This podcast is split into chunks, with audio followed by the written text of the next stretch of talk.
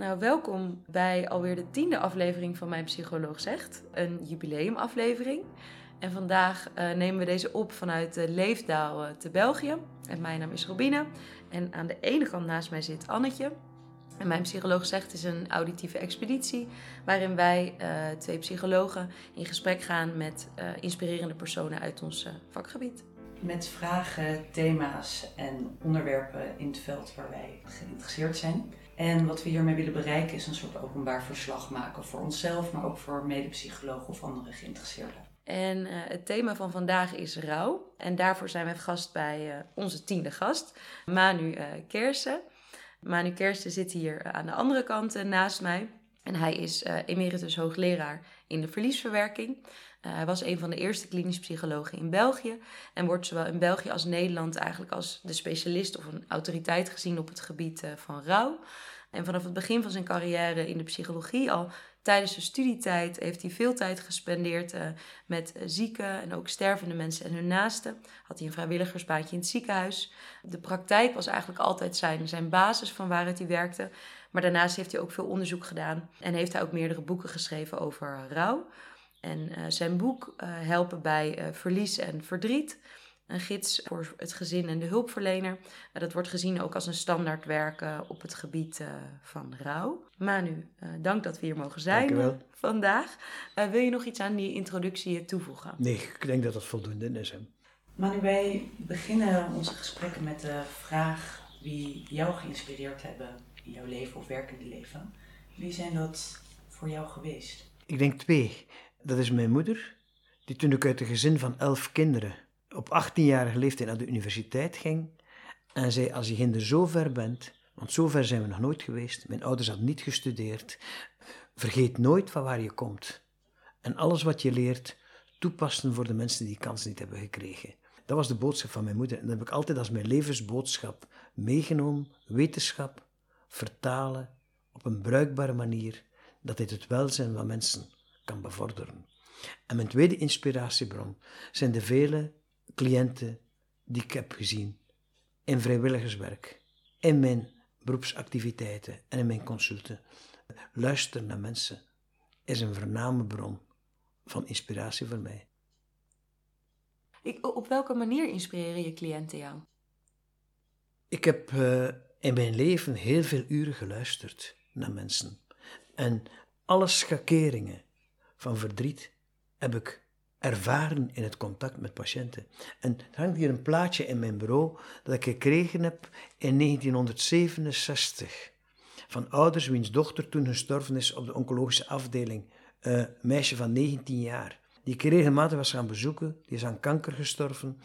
En de vooravond van haar dood zei ze, nu ik weet dat ik definitief aan het genezen ben, wil ik toch eens duidelijk stellen dat je de enige bent geweest die altijd klaar en duidelijk de waarheid hebt gesproken. En ik wist vaak niet wat ik moest antwoorden. Ik was vrijwilliger op die afdeling. Ik had geen beroep. Uh, en als ze zei van, goh, zou ik mijn studies nog kunnen hervatten? De artsen zei, je moet daar niet aan twijfelen.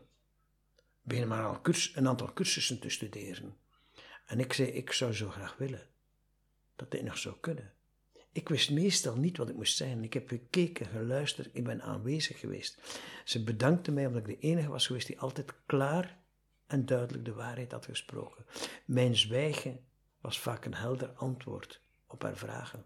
Je bent eigenlijk ook heel open geweest in dat je het ook niet altijd wist. en, je gaf haar geen bevestiging die je niet kon geven. En zo heb je ook veel geleerd over wat mensen prettig vinden om te horen. En op die manier ja. Ja, heeft dat je ook geïnspireerd.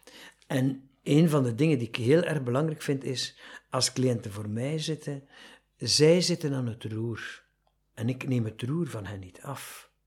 Ik help hen om te rijden en te evolueren in de richting die zij willen, aan hun tempo en met hun capaciteiten. Net in het voorgesprek zei je daarop aanvullend ook dat, je, dat juist mensen die ziek zijn of, of stervende zijn, dat die eigenlijk al zoveel regie zijn kwijtgeraakt. Dus dat het altijd belangrijk is om een cliënt de regie te geven, maar al helemaal als dat verlies eh, nadert. Het raakt er misschien al een beetje aan, hè, maar we zijn ook altijd benieuwd naar iemand zijn stijl qua werk. Waar zouden cliënten jou aan kunnen herkennen? Ik denk aan drie dingen. De warme vriendelijkheid waarmee ik kan bejegen. Een tweede, het feit dat ze bij mij altijd kunnen annuleren als het niet past, zonder dat er kosten aan verbonden zijn. En dat ze mijn kaartje hebben met mijn telefoonnummer, dat ze mij altijd kunnen bellen als dat nodig is. Ik heb al duizenden kaartjes uitgedeeld met mijn telefoonnummer op. Zegt, als echt, als je in de rat zit, bel mij op. dat moet je niet doen, want mensen zullen daarvan profiteren. Ik heb nog nooit iemand daar misbruik weten van maken. Nog nooit. En dat, dat is het tweede. En het derde is dat ik vooral probeer getuige te zijn van het verdriet, in plaats van degene die de bepalende rol speelt. En dat is voor mensen vaak iemand die echt intens kan luisteren en aan het gevoel geeft van wat zij beleven. Dat zij, dat zij de autoriteit zijn daarin. Je zegt heel erg naast mensen gaan staan en dat verdriet met ze meevoelen. Ja. Je, je hebt in het begin gezegd, maar, uh, Manu Keijsen is de deskundige in Nederland en in Vlaanderen. Ik zeg dat nooit over mezelf. De deskundigen zitten elke dag voor mij in, de, in mijn consultatiekamer. Dat zijn de deskundigen. De mensen die erin zitten, die het meemaken, die het beleven. we zouden eigenlijk moeten zeggen, je hebt veel gewerkt met deskundigen. Ja, ja, ja. ja.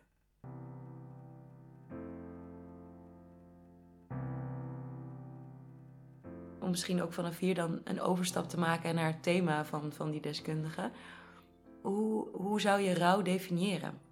Rouw is eigenlijk uh, de emotionele fysieke en cognitieve reactie van mensen die geconfronteerd worden met een ernstig verlies. Men denkt bij rouw vooral aan het overlijden van iemand, maar je maakt een rouwgebeuren door na elke vorm van verlies. Verlies van gezondheid, het krijgen van een kind met zware beperkingen, verlies van je werk, het verbreken van een relatie of een verkering, een echtscheiding, het verliezen van iemand aan de dood, de confrontatie met onmacht en onrecht. Uh, dat zijn allemaal, al die zaken. Alles wat verlies betekent, genereert een rouwproces bij mensen. Ja, dus dat doet me ook denken aan, aan wat je in je boek schrijft. Hè, dat um, rouw niet gelijk staat aan afscheid nemen, hè, maar aan anders leren vasthouden. Anders leren vasthouden, ja. Men zegt vaak, je moet hem loslaten. Nee, mensen moeten iemand niet loslaten ze moeten hem anders leren vasthouden. Leren vasthouden in de herinnering in plaats van in de buitenwereld. hey, en Manu, nu is het zo dat sommige mensen die kunnen vastlopen in een, rouw, in een rouwproces. Ja. En er wordt ook onderscheid gemaakt tussen rouwen en complexe rouw. Ja. Wat is volgens jou dat onderscheid tussen rouwen en complexe rouwen? Je zou kunnen zeggen, rouw overleven vraagt eigenlijk om rouwarbeid. En die rouwarbeid bestaat uit vier taken. Geen fasen, maar taken. Taken lopen door elkaar heen. Het onder ogen zien van de werkelijkheid van het verlies. Niet gemakkelijk. Het ervaren van de pijn van het verlies. Je aanpassen aan de wereld met dit verlies. En opnieuw leren genieten van het leven en herinneringen levendig bewaren. Dat zijn eigenlijk vier taken waar we mensen bij kunnen helpen, waar mensen ook iets kunnen aan doen. Dat is veel actiever dan fase. In een fase daar zit je in en kan je niets aan doen. Mensen kunnen er iets aan doen. En uh, complexe rouw betekent als mensen oneindig blijven steken in één van die fasen. Als die werkelijkheid helemaal niet onder ogen zien. Uh, als ze blijven vastzitten in die boosheid en die prikkelbaarheid waarin pijn naar buiten komt. Als ze zich niet willen aanpassen aan de wereld en als ze niet meer toe kunnen komen om nog te genieten. Maar heel vaak, en professionele mensen in de omgeving, heel veel ongeduld om dat proces te laten gaan, eh, te, te, laten lopen. En men verwacht dat dat veel te snel kan. Een belangrijk onderzoeksinstituut in Nederland, in Utrecht, heeft geijverd om rouw als complexe rouw op te nemen in de DSM-5 van de klassificatie van psychiatrische ziektebeelden, als men na een jaar nog heel veel moeite heeft met overzien. Dit vind ik nonsens. Dutroux heeft vier kinderen vermoord. Is acht jaar later voor de rechtbank gekomen. Als die mensen hun leven ontredderd verloopt op dat moment, is dit geen pathologische of complexe rouw, maar dit is normaal gedrag van normale en evenwichtige mensen. En ik ben dus heel voorzichtig om iets pathologische rouw te noemen, omdat het vaak gaat om pathologie van de omgeving, van de samenleving en van de hulpverlening, die te weinig weet over rouw en daarom het gedrag van mensen pathologisch gaat noemen. Pas op, en bestaat, vastlopen bestaat, hè. Maar voor mij is dan heel erg belangrijk, waardoor loopt het vast? Wat hebben wij als samenleving, als begeleiders gedaan om het goed te kunnen laten verlopen? Dus pas als je genoeg van de omgeving en het proces weet, dan zou je kunnen stellen: is het iets pathologisch binnen iemand zelf, waardoor het complex is en vastloopt? Of is de omgeving nog niet ondersteunend genoeg? Of Ja, ja. lopen er nog zaken waardoor het niet kan stromen? Of waardoor het niet... Ja. Je moet, eens, je moet eens gewoon denken, mensen die jarenlang naar een kind hebben verlangd en ongewenst kinderloos zijn gebleven, zijn voor mij ouders. Gaat om verdriet van ouders die nooit kinderen hebben gekregen. Dat zijn voor mij ouders. De ouderschap begint met de intensiteit van het verlangen, maar niet met de conceptie of met de geboorte van een kind.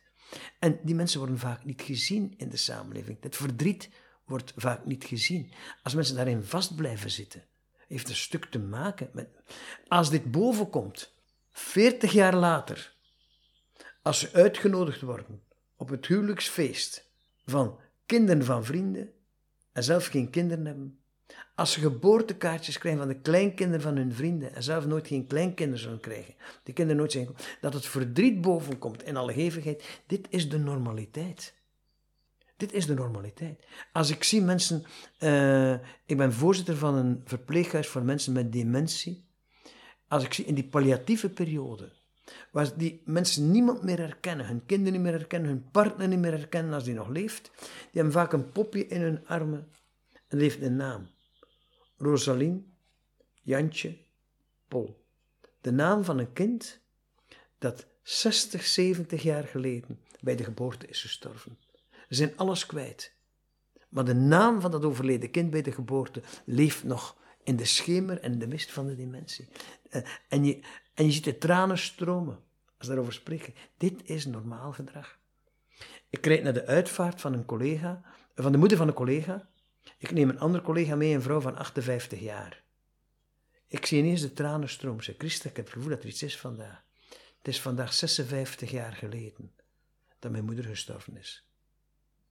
Ze heeft haar vader nooit gekend. Haar moeder is gestorven toen ze twee jaar oud was. Ze is opgegroeid in een streng weeshuis. Maar de tranen stromen, 56 jaar later. Is dit een onevenwichtige vrouw? Nee, dat is de vrouw die samen met mij gezorgd heeft dat de kinderziekenhuizen in Vlaanderen dag en nacht toegankelijk werden voor ouders. Dat op de kraamklinieken ouders hun overleden kind in de armen konden krijgen. Ze heeft heel haar leven gevochten voor rechten van ouders en kinderen.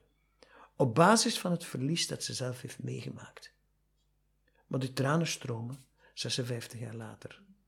Er komt hier een dame de ramen meten in mijn bureau om nieuwe gordijnen aan te passen. Op de vensterbank ligt mijn boek Verlies van een prille zwangerschap. Ik zie ineens tranen.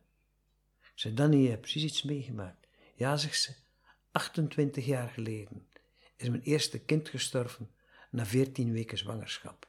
Ik heb vorige week nog aan mijn drie dochters gezegd, als ik ooit dood ben en jullie vergeten mijn sterfdatum, dan kan ik jullie vergeven. Maar ik zal jullie nooit vergeven dat je de sterfdatum vergeet van uw broertje dat je nooit hebt gekend. En de tranen stromen. 28 jaar later. Dit is normaal gedrag. Dat heeft te maken met het feit dat mensen in staat zijn om liefde te geven en te voelen en verbondenheid te ervaren. Hoe is het gekomen dat jij de rouw in bent gegaan? Wat, waar zit jouw affiniteit met rouw? Ik heb het geleerd als kind, dat hij tot het leven behoort. Ik was zes jaar oud toen in mijn straat een jongetje van vier door een vrachtwagen is overreden. En die avond gingen wij met ons moeder, de vier oudste kinderen, een laatste groet brengen aan het overleden kind. Ik zie het nog voor ogen alsof het gisteren was. Het is 68 jaar geleden. Maar ik zie nog altijd dat jongetje liggen tussen die witte lakens. Enkel een handje van het kind konden wij zien. Het hoofd was één grote bol, wit verband, want het hoofd was verpletterd onder de wiel van die vrachtwagen. Ik herinner me die avond thuis als een avond waarop we veel langer mochten opblijven dan normaal, waarop we uh, een kop warme chocolademelk kregen en een intens gesprek hadden met onze ouders. De huisarts van het dorp was bij alle gezinnen met kinderen langs gegaan. Dat ze gaan met je kinderen afscheid nemen, want die kinderen moeten morgen door diezelfde straat terug naar school. En moeten die kinderen dat verstaan als ze dat niet hebben gezien. En denk eens na wat je met je kinderen doet, zei die huisarts, als je thuis een warme sfeer wilt creëren. Mijn moeder zei, pannenkoeken bakken en warme chocolademelk maken. Voor pannenkoeken heb je geen tijd, zei die huisarts. Geef een kop warme chocolademelk en neem al je tijd om naar je kinderen te luisteren. Ik heb die boodschap als kind meegekregen toen ik in de gezondheidszorg kwam, werken. Zag ik dat iedereen ging gaan lopen als intens verdriet om de hoek kwam kijken. Dokters durfden geen fatale diagnose bespreken. Als iemand kwam te sterven, ging iedereen die familie voorbij, maar men niet wist hoe men die mensen moest opvangen. Ik heb geleerd als kind dat je naar mensen naartoe gaat. En ik ben bij je afvragen van hoe komt dat? Dat niemand daarmee kan omgaan. En dat is heel goed begrijpelijk. Uh, als dit niet tot je leven behoort. Drie generaties geleden groeiden kinderen op in een woonkamer waar ze hun grootouders zagen sterven. Dat behoort tot de kern van het leven. Maar vandaag is de gemiddelde levensverwachting verdubbeld. Ziek zijn en ernstig ziek zijn en sterven is verhuisd naar verpleeghuizen, hospices, ziekenhuizen. En het is verdwenen uit de woonkamer waar je opgroeit. Als je nooit geleerd hebt als kind van daarmee om te gaan, dan is dat niet abnormaal dat je daar bang voor bent. En als artsen niet leren in hun opleiding, is dat niet abnormaal dat ze gaan lopen op dat moment. En dat ze antidepressiva voorschrijven als verdriet om de hoek komt kijken. Antidepressiva zijn goede geneesmiddelen om een depressie te bestrijden. Maar een depressie is een psychiatrische stoornis. En verdriet is normaal gedrag van normale en evenwichtige mensen die in staat zijn om liefde te geven en verbondenheid te voelen. In, wat je vertelt, Emma, nu zeg je eigenlijk ook maak je ook heel erg de link tussen enerzijds jouw eigen persoonlijke ervaring, hè, dus van vroeger, en anderzijds hoe dat in het ziekenhuis gaat. Hè. En in je boek probeer je ook heel erg die taal te vinden. Je hebt bewust gekozen voor een gids voor de hulpverlener en voor het gezin. Wil je ons eens meenemen in wat je nou kan doen als hulpverlener, in ons geval dan als psycholoog, om uh, cliënten bij te staan op het moment dat er uh, een verlieservaring nadert? Als ik het in één woord zou moeten zeggen, is luister naar de mensen. Want zij kunnen u vertellen wat hun nood is op dat moment. Maar om te kunnen onbevoorreerd luisteren, heb je kennis nodig van verdriet en verlies. Want het verdriet dat komt op allerlei manieren naar buiten. Mensen ontkennen de werkelijkheid. De arts heeft al drie keer aan die patiënt verteld, aan die, uh, aan die ouders gezegd, dat hun kind een zeer zware beperking heeft. En het is blijkbaar niet doorgedrongen. Ontkenning is soms een weldadig geschenk voor mensen die met verdriet worden komen. Ze duwen dit weg omdat het te zwaar is om te dragen. En men moet die ontkenning kunnen verstaan, kunnen respecteren en op een voorzichtige manier mensen de stappen zetten naar die duidelijke informatie aan het tempo waarop mensen dat zelf kunnen. Men, verdriet komt naar buiten in boosheid en prikkelbaarheid. Men moet aan mensen kunnen zeggen: dit is heel normaal. Dat is de pijn van het verdriet die naar buiten komt. Als kinderen zeg ik vaak aan mensen, hebben jullie dat goed geweten? Je leert lopen, je loopt met een knie tegen een tafelpoot en je knie doet pijn. Wat doet een kind? Stoot de tafel, stoot de tafel. Die pijn komt in boosheid naar buiten. Die boosheid is een manier waarop die pijn naar buiten komt. Je kan je niet concentreren, je kan niks onthouden. Je zegt iets en ze hebben het niet gehoord of ze hebben het niet Mensen gaan de trap op naar boven om iets te gaan halen en zijn twee treden ver en weten niet meer waarvoor de trap op gaan zijn. Als dat verdriet je overroelt, dan kan je niet concentreren, je kan dus niets onthouden. Dat komt in vlagen op mensen af. Uh, vlagen van verdriet en je kan daar niet tegen, het overspoelt gaan in golven. Je moet eens in de zee gaan staan, met je handen proberen die golven tegen te houden, dat lukt niet. Dus die golven overspoelen hen. Je moet dus heel veel weten over verdriet om al die verschillende manieren waarop mensen dit uiten te onderkennen, voor mensen te kunnen verduidelijken en te kunnen accepteren. En daarbij rustig en sereen betrokken te blijven bij mensen.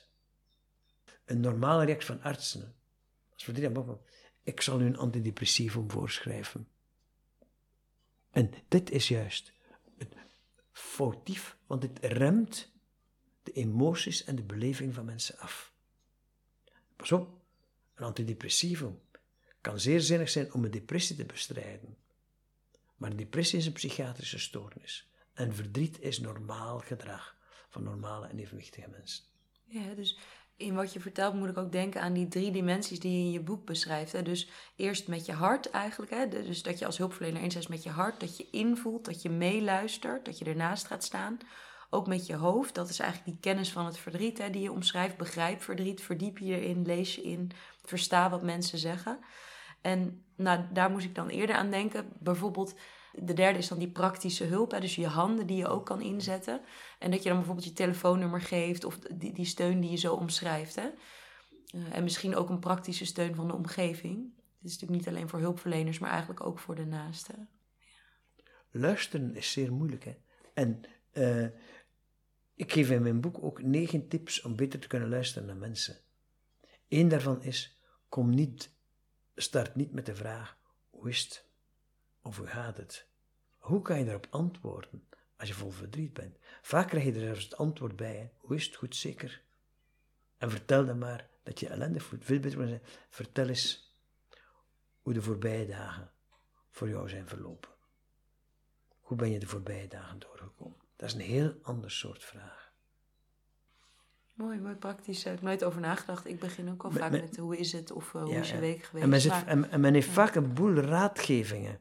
Pas op, bij elk hoofdstuk in mijn boek geef ik tips voor de omgeving, tips voor de rouwende, dingen die je beter niet zegt, moeilijke momenten waar je mensen kunt op voorbereiden. Ik geef een aantal heel concrete tips, maar het zijn tips. Het zijn geen adviezen.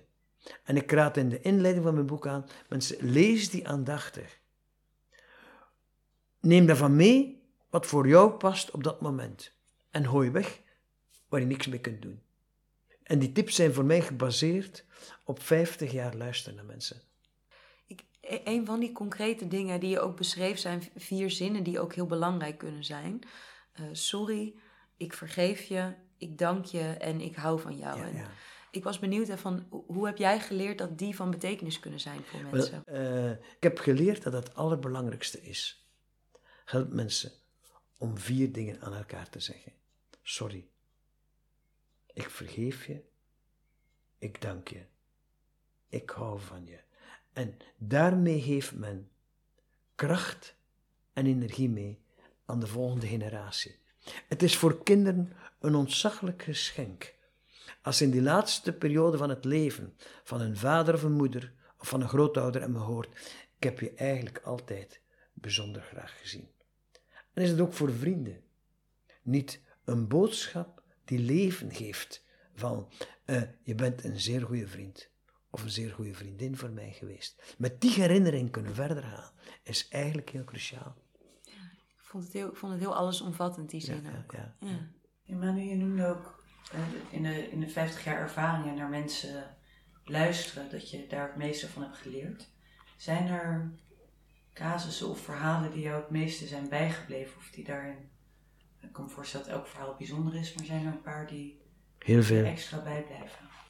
Als ik zo ik heb gesproken over waar dat bronzen plaatje van hangt, die, uh, de meisje die op 19-jarige leeftijd in de oncologische afdeling is gestorven. En wat me daar bijzonder nog is bijgebleven, dat ik in haar dagboek las. De dokters hebben me weer eens proberen te bemoedigen met hun kwinkslagen. Ik heb maar meegespeeld om me niet te ontgoochelen. Ik heb dezelfde vragen aan Manu gesteld. En heeft weinig gezegd, maar me aandachtig aangekeken. Dit was een helder antwoord op mijn vragen. En ik heb daar geleerd van, ik moet niet op alles antwoorden weten. Maar ik moet kunnen luisteren naar de wanhoop, naar het verdriet, kunnen aanwezig blijven. Maar heel wij erg getroffen heeft, toen ik staatssecretaris was van Volksgezondheid in 2003, moest ik op een avond in een gemeente in Limburg gaan spreken namens de Belgische regering. Ik zei tegen mijn chauffeur, ik wil goed op tijd vertrekken, want ik wil daar een uur vroeger zijn, want ik wil eens bij mensen een dag gaan zeggen. Die ouders, dat gezin was namelijk van de gemeente afkomstig. Ik kende na 38 jaar het adres nog van buiten, de Diepstraat nummer 9 in Kuringen. Ik bel daar om 7 uur aan, die moeten dit, de deur open, ontving me met open armen. Zij zei, mama nu, hij zei het er al. En ik schrok, ik dacht, het is precies of ze mij verwacht. Ja, zei ze, ik had u verwacht. Ik heb deze morgen aan mijn buren gezegd, die man die vanavond in onze gemeente komt spreken, die zal voordien bij mij langskomen. Want die was 38 jaar geleden bij het sterfbed van mijn dochter in Leuven. Ik heb het volgende over neergeschreven. Het was 38 jaar geleden en ik werd verwacht. Zouden hulpverleners beseffen hoe diep ze soms zijn doorgedrongen in het leven van mensen? De waarde van er te zijn. moesten zich dit elke dag beseffen, zou dit een waardig tegenhef kunnen betekenen tegen burn-out, afstomping en onverschilligheid. Nee, dit heeft mij heel erg bij, heel, heel, erg getroffen. Een andere situatie die mij heel erg getroffen heeft, is een verpleegkundige die ten onrechte in een ziekenhuis en door de politie wordt beschuldigd van toedienen van een dodelijke dosis verdovende middelen aan een patiënt met de dood tot gevolg. Die vrouw heeft elf dagen in de gevangenis gezeten. Ze heeft dit niet toegediend. Ze is ondertussen bewezen dat ze daar nooit schuld aan heeft gehad. En ze is dus totaal vrijgesproken. Men heeft geen enkel element gevonden om haar te lasten te leggen. Maar toen ze terug aan het werk wilde in het ziekenhuis, kreeg ze haar job niet terug. Omdat het ziekenhuis zei, uh, iedereen zal herinnerd worden aan dat drama. We willen dat je op een andere plek, aan de andere kant van het ziekenhuis gaat werken. Ze werkte als persoonlijke coach met zeven artsen samen. In dat jaar dat ze uit circulatie was, heeft geen enkel van die artsen haar gecontacteerd. Ze wisten niet wat ze moesten zeggen tegen haar. Dan denk ik, dit is gezondheidszorg. Eh, die vrouw, het onrecht dat ze is aangedaan, door het gerecht, dat kan ze verstaan. Die rechters deden hun werk, zei ze. Wat ze in dat ziekenhuis heeft ervaren. Die vrouw is vroegtijdig op pensioen gegaan. Ze haar job niet terugkreeg. En dat onrecht heeft te maken met een ziekenhuis, een directie, verantwoordelijke artsen die niet kunnen omgaan met rouw en verdriet. En zo kan ik heel veel voorbeelden noemen. In al, ik volg een moeder die in een postpartum psychose haar drie kindjes heeft vermoord en geprobeerd heeft een einde aan haar leven te maken. Die vrouw heeft overleefd, maar die moet verder, haar drie kinderen zijn dood. En ze heeft dat zelf gedaan. Ze is daar niet verantwoordelijk voor, volgens drie psychiaters. Maar die vrouw moet wel verder leven.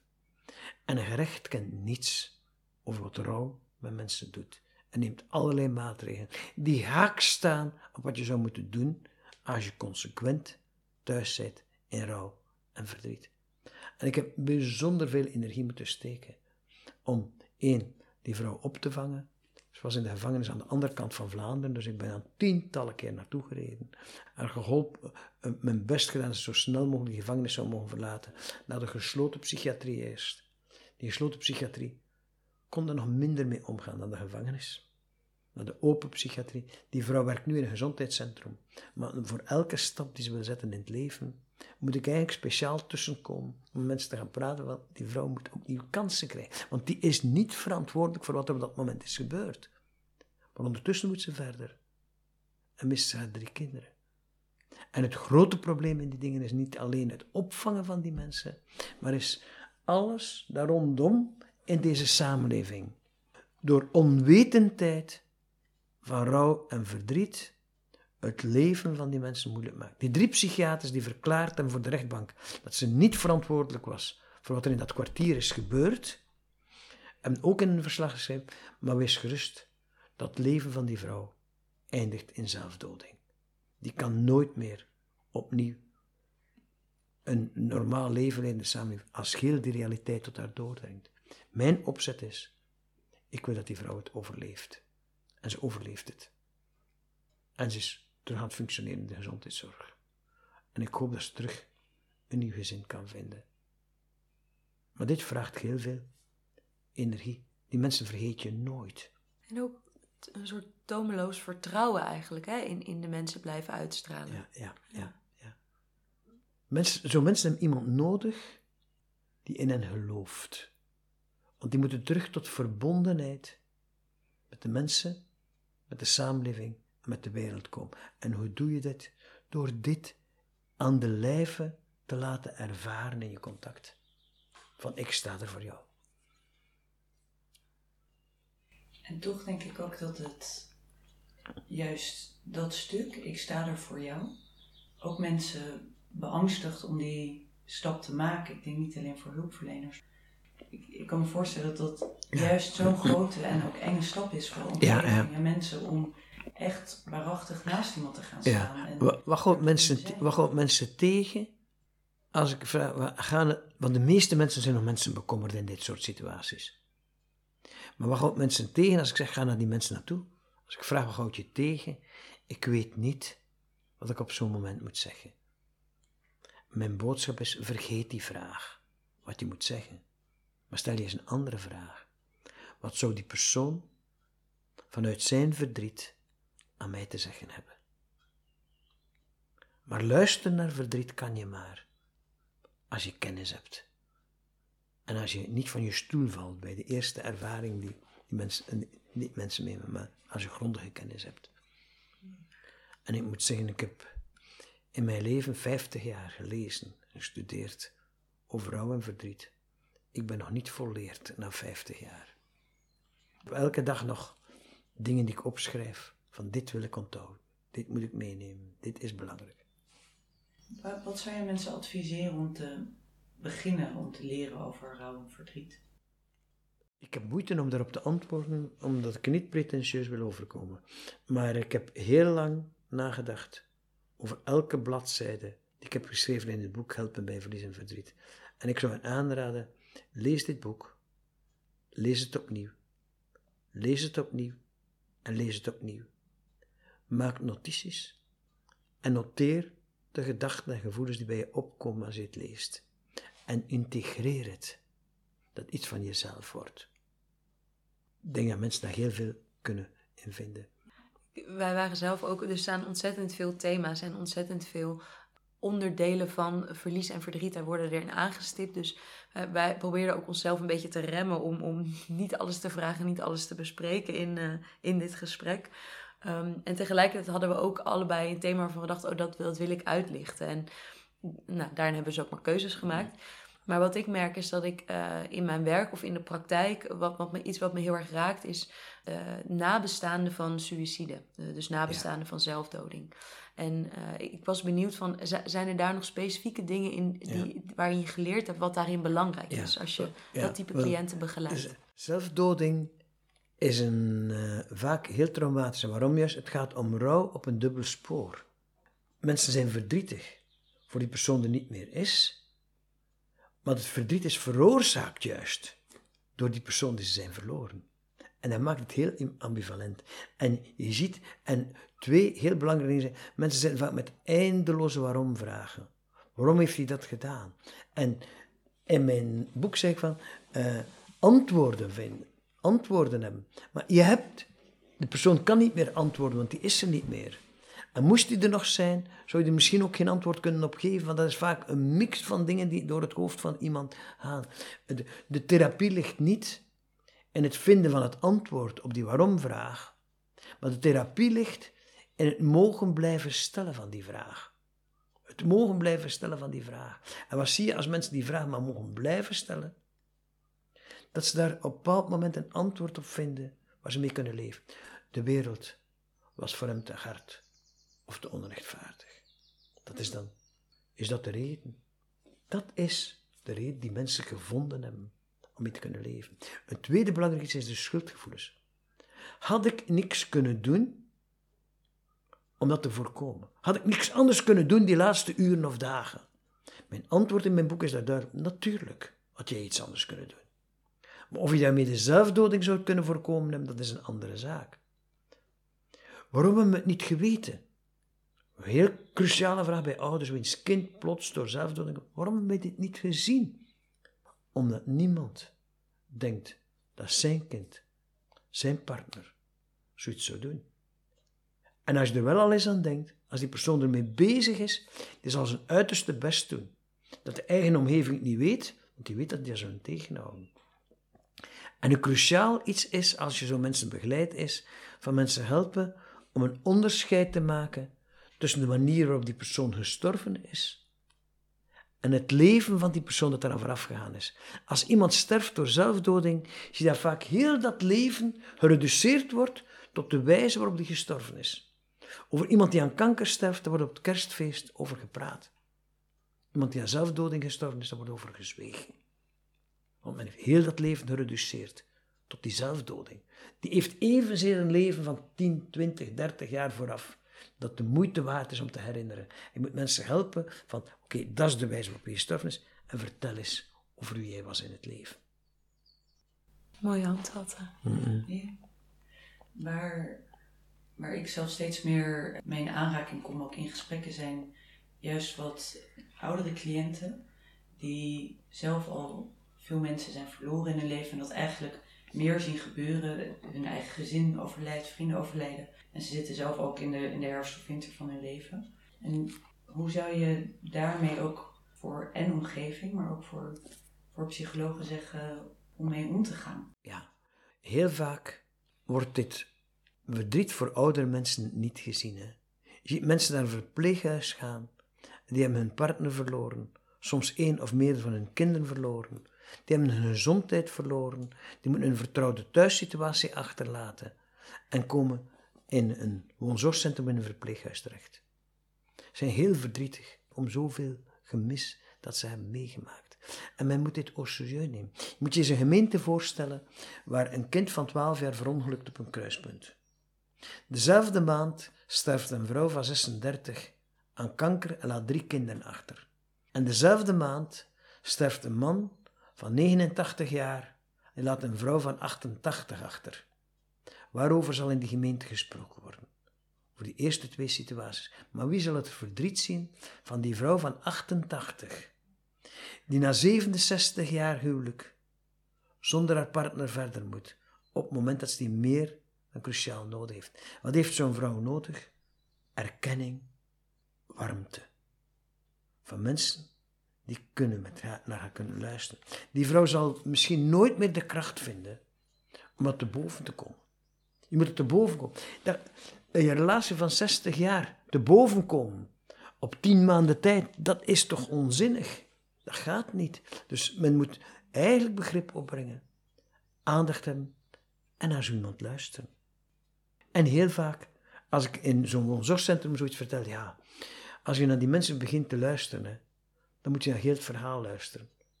En daar heb je geen tijd voor, want we hebben zo, we zo druk. Artsen en verpleegkundigen, verzorgen hebben daar geen tijd voor. Dit vraagt geen tijd, maar het vraagt intensiteit. Je komt de kamer binnen van Rita. Hij ziet de foto van Joris, haar man, staan. Die is gestorven. En je bent heel druk. Je moet nog veel mensen verzorgen. Als je gewoon Rita in de ogen aankijkt. Zegt Rita, als ik hier binnenkom, denk aan Joris, je man. Vertel eens. Ik kijk haar op een warme manier in de ogen aan. Drie minuten lang. En na drie minuten je zeggen, oh Rita, ik zou nu graag heel vanmiddag naar je luisteren. Maar het zijn nog zoveel andere mensen die mij nodig hebben.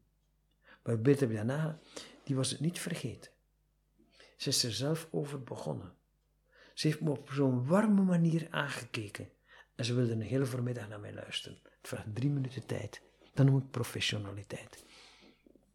Hoe kijk je dan ook bijvoorbeeld naar de protocollen die er zijn, die wat meer richten op exposure of oefeningen doen, met bijvoorbeeld foto's of een brief schrijven of meer blootstelling aan het verdriet? Omdat alles wat je noemt gaat vooral denk ik ook over erkenning en warmte en naast iemand staan. Maar er wordt veel geschreven over juist Ja, erin duiken. ja, ja. Als ik naar mensen luister en vraag vertel eens, vertel eens verder, vertel eens meer, dan zit ik er volop in. Ik heb al die technieken niet nodig. Want die technieken, dat is zoals de arts die zijn röntgenapparaat heeft die tussen hem en de patiënt staat. En heel vaak, pas op, die technieken kunnen nuttig zijn, maar men moet opletten dat het niet om die techniek gaat die tussen de therapeut en de patiënt gaat staan, in plaats van het directe persoonlijke contact. Dat is de reden waarom die Ouders die een kindje hadden dat maar één maand zou worden en uiteindelijk veertien maanden is geworden. Die beide hun werk hebben gelaten om voor dat kind te zorgen. Vier keer weggegaan zijn bij een psycholoog, die had allerlei technieken. Maar die mensen voelen zich daar niet in begrepen. Die zaten met een oeverloos veel verdriet.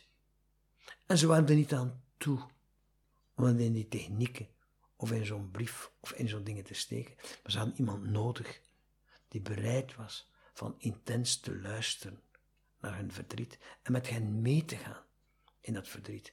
En daar heb ik geen technieken voor nodig. Maar ik versta ook wel, je hebt als therapeut gewoon vasten nodig. En dan grijpt men naar al die technieken. En pas op, ze zijn niet verkeerd, hè. Maar ik hou weer... Voor kinderen heeft men overal rouwdozen. Ik heb zo'n rouwdoos niet nodig om een kind te bereiken. Het kan een goed hulpmiddel zijn, maar ik heb het niet nodig.